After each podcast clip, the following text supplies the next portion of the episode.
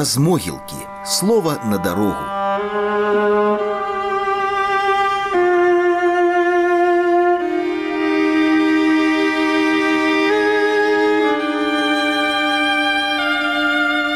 Узімку 1998 году мы з паэтам славамірам Адамовічам апынуліся ў вёсцы траскоўшчыне, дакладней у санаторыі пад Менскам, дзе праходзіў нейкі журналісцкі семінар. Пяціразовае харчаванне, масажы сауны і кактэйлі більярды суправаджаліся гарачымі дыскусіямі пра лёс нашай шматпакутнай бацькаўшчыны. У вёску я не выходзіў, Тым часам славамір апранаў свой шыкоўны набыты ў варшаве строй і рыхтык оперная зорка выпраўляўся ў паход, як ён казаў, па жывыя сюжэты. Аднойчы ён прапанаваў мне скласці яму кампанію, ды не абы куды, а на вясковыя могілкі. Ну ўжо там якія табе жывыя сюжэты заўпарціўся я. Хачу знайсці беларускія магілы, У адказе была інтрыга. Мы нават ледзь не паспрачаліся, маўляў, бліжэйшая беларуская магіла на вайсковых кладах у сталіцы. Але упэўніцца ва ўласнай рацыі на свае вочы я адмовіць сабе не мог і пайшоў разам з ім. Хоць, шчыра кажучы, як жа мне хацелася памыліцца. Я цалкам быў на ягоным баку і не менш за яго хацеў на самых звычайных беларускіх могілках убачыць беларускамоўную магілу не народнага паэта не сябра саюзу мастакоў а над магілле з якога можна было б зразумець што пад ім спачывае усяго толькі беларус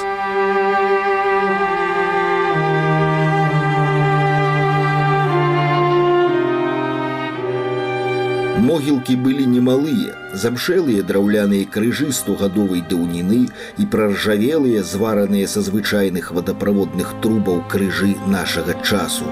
Уразіла мноства дзіцячых магіл. Каля адной я нават расхваляваўся. Хлопчык володя прыйшоў на свет у адзін месяц і год са мною. Дата смерти 1971 якраз той год, да якога сягае моя ўласная памяць з выцвілага медальёну глядзеў занадта сур'ёзны для трохгадовага чалавека твар. Адчуванне радасці жыцця ад тых лічбаў і таго погляду у мяне не паболела. Трапляліся і багатыя магілы з гранітнымі помнікамі ды агароджамі з нержавейкі, але ўсе пахаванні аб'ядноўвала ці ўраўноўвала расійская мова, часам настолькі пачварна зарыфмаваная ў эпітафіях, што мяне брала крыўда за нябожчыка, Пакуль я курыў каля помніка 23гадовай прывабнай ірыне, спакой могілак быў парушаны праз меру жывым воклічам майго сябра. Ён знайшоў беларускую магілу. Надпіс на ўрослым у зямлю камені паведамляў з беларускім аканнем, што тут спачывае раба Божая Татяна ляхава.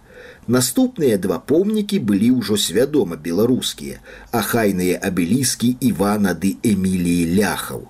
З чыёй ініцыятывы, дзяцей ці самога Івана Паўлавіча, прыгожага савецкага афіцэра на здымку. Ды ці так гэта важна, калі двум падарожнікам па марозных кладах на душы стала цяплей.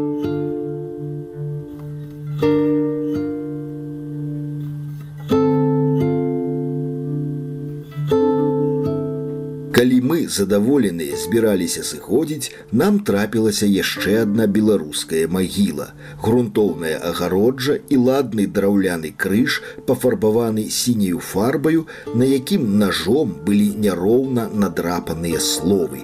Пагіб ад фашысцкай рукі. 1944 пражыў 47 кухарчык КМ. Тут ужо быў сюжэт, жывы да сёння як мала оказывается нам трэба, каб не пачувацца самотнымі ў сваёй мове, знайсці пару роднасных душ зусім невядомых, даўно зніклых з гэтага свету людзей. Шчыра кажучы, я не магу уявіць сабе вечнага жыцця чалавечай душы. І ці ёсць мовы там, куды знікаюць душы, Але драма і моц гэтыя краіны у тым, што нават душы памерлых, якія былі ёй адданыя, не знікаюць з яе назаўжды. і надпісамі на сваіх магілах ратуюць яе самабытнае аблічча. Ці не тады на вясковых могілках узнікла ў мяне ідэя наведаць забытыя адрасы тых, каго даўно няма сярод жывых, але чые думкі, эмоцыі, творы сфармавалі нас, цэлыя пакаленні наступнікаў, без чаго наш лёс быў бы іншым. Прынамсі адзін радок, знаёмы з дзяцінства песні, увесь час круціўся ў маёй галаве. Наши мертвые нас не оставят в беде. Наши мертвые нас не оставят в беде. Наши павшие, как часовые, Отражается небо в лесу, как в воде, И деревья стоят голубые. Отражается небо в лесу, как в воде, И деревья стоят голубые. Я меў акурат тры гады, калі ўпершыню пачуў высоцкага. Калі ж запрацавала памяць, першае, што вывучыў песню коні прывередлівыя. Магнітафона ў нас не было, таму я здавольваўся кружэлкамі з дазволенымі песнямі. Недазволеныя даляталі да мяне толькі з адчыненых вокнаў на вуліцы. Куды б я не спяшаўся, уставаў як укапаны і слухаў. Разумеў мала, але голас і напятая да немагчымага манера выканання ўражвалі. Магнітафон у хаце завёўся толькі пасля сыходу артыста. Ягоная смерць у маёй свядомасці быццам адцягнулася ў часе і прасторы, дзякуючы майму няведанню бальшыні напісанага ім. Недзе была Масква і ваганькава з ягонай магілай, але пакуль у мяне ў запасе заставаліся непраслуханыя стужкі і непачутыя песні, мёртвая ваганькава лёгка адцянялася жывым голасам. Толькі калі скончыліся стужкі, што я пазбіраў ад усіх сяброў ды знаёмых, ягоны канчатковы сыход стаў для мяне рэальнасцю. Ад раптоўнасці зразуметага я памятаю тады плакаў.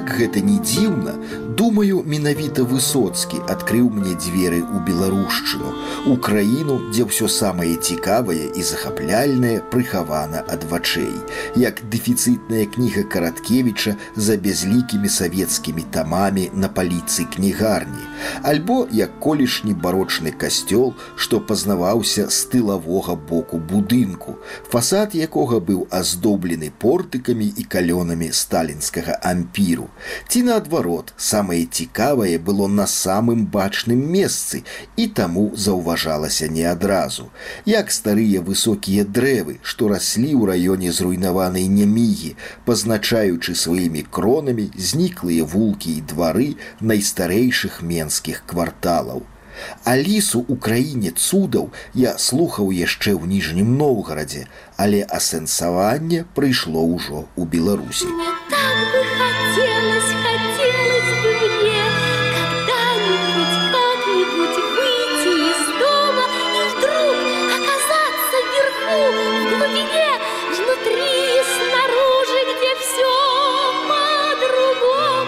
Яшчэ ў 1979 будучы з тэатрам у менску на гастролях высоцкі назваў Беларусь краінай што было ў тыя часы незвычайна а таму рызыкоўна. Усе казалі рэспубліка а тут я вельмі добра ведаю гэтую краіну я шмат чым звязаны з беларусю з менскам у яго тут былі свае памятныя мясціны наваградчына адкуль карані ягонай французскай жонкі менскі раён усход дзе жыў ягоны ягоны сябра Віктор Тураў, дом афіцэраў, дзе гастраляваў ягоны тэатр.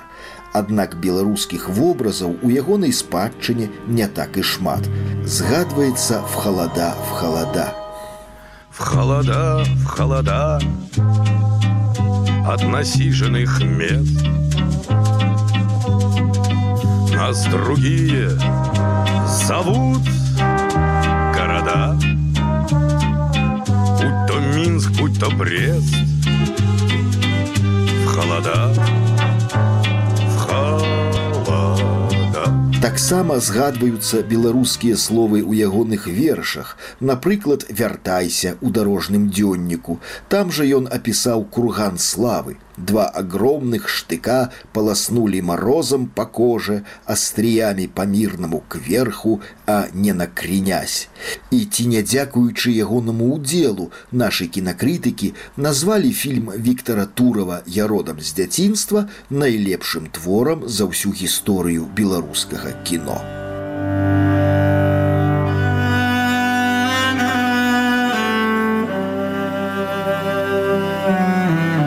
1982 годзе гомельскі драматычны тэатр, дзе працавалі мае бацькі, гастраляваў у горадні. Мы жылі ў гасцініцы Нёман. Пакуль мама і тата былі ў тэатры, я браў мапу горадні ды ішоў на вывучэнне места. Я гэта рабіў у кожным горадзе, дзе мы гастралявалі. Да горадні ўжо паспеў выхадзіць крапіўніцкі і Марыюполь ва ўкраіне, Алматы і Кастанай у Казахстане, але толькі на гарадзенскіх вуліцах вуліцах я адчуў тое таямнічае, непадобнае, несавецкае, где все по-другому. За той ліпень, што мы былі ў горадні, у мяне з'явіліся тут свае улюбёныя мясціны, замак, кляштар брыгітак, езуіцкі касцёл. Памятаю, як адзін актор тэатральны парторг зайшоў у той касцёл, паглядзець на ўбранства. Ён пасля расказваў: Ну зайшоў, прыстроіўся да нейкай групы людзей, думаю, турысты, стаю, гляджу на скульптуры разам з гэтымі турыстамі, а яны раз і ўсе на калені, а я адзін вытыркаюся як дурань. І доўга ты так узвышаўся, Ды не бачком бачком і хутчэй да выхаду, пад агульны рогат сканчаў парторг. Фільм я родам з дзяцінства я ўбачыў ужо дарослым, калі мог захапіцца экраннымі цудамі Александра княжанскага, аператара, чыёй вяршыняй стаў сталкер Андрея Таркоўскага. Калі ўжо мог ацаніць майстэрства Яўгена Глебава, які аранжаваў мелодыі высоцкага. І калі ўжо адчуваў дыскамфорт ад літаратурнай расейскай мовы кінагерояў на фоне горадзінскай сінагогі ды руінаў ружанскага палаца. Калі высоцкі высоцкі выйшаў з брамы кляштару брыгітак я ўсхваляваўся радасцю пазнавання гэтая брама была адным з маіх месцаў.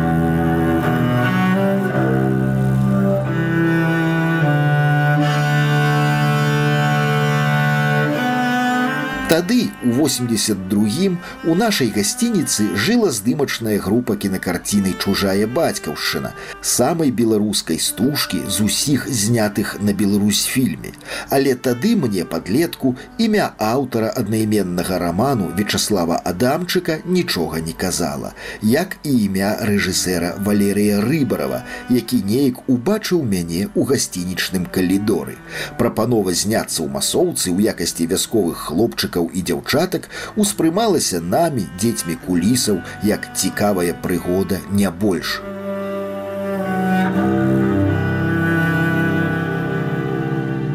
У той вёсцы, куды прывезлі нашу вясёлую кампанію, са мною адбылося нешта магічнае. Не тое, каб здзіўленне маленькага месціча вясковым бытам. Захапленне было такое, нібы ад падарожжа ў часе. У той дзень я трапіў у іншую краіну. Канчаткова разбуралі звыклую савецкую рэальнасць гукі жывой беларускай мовы, якая тут панавала паўсюль. Праз гады, пераглядаючы чужую бацькаўшчыну, я спрабаваў узгадаць, што ж гэта была за вёска. Але ніхто не мог даць адказу. Рэжысэр Валерый рыбараў не памятаў, аператор Фелікс кучар памёр апантаны ідэяй знайсці тое месца, дзе зрабіў першы крок па жывой беларусі, я кружляў над горадзіншчынай пры дапамозе праграмы вікімапія і праз гадзіну палёту знайшоў такі касцёл насупраць школы. Патэлефанаваў у тую школу і былая настаўніца мне пацвердзіла, што сапраўды калісьці ў іх здымалася чужая бацькаўшчына. Вёска называецца прывалкі.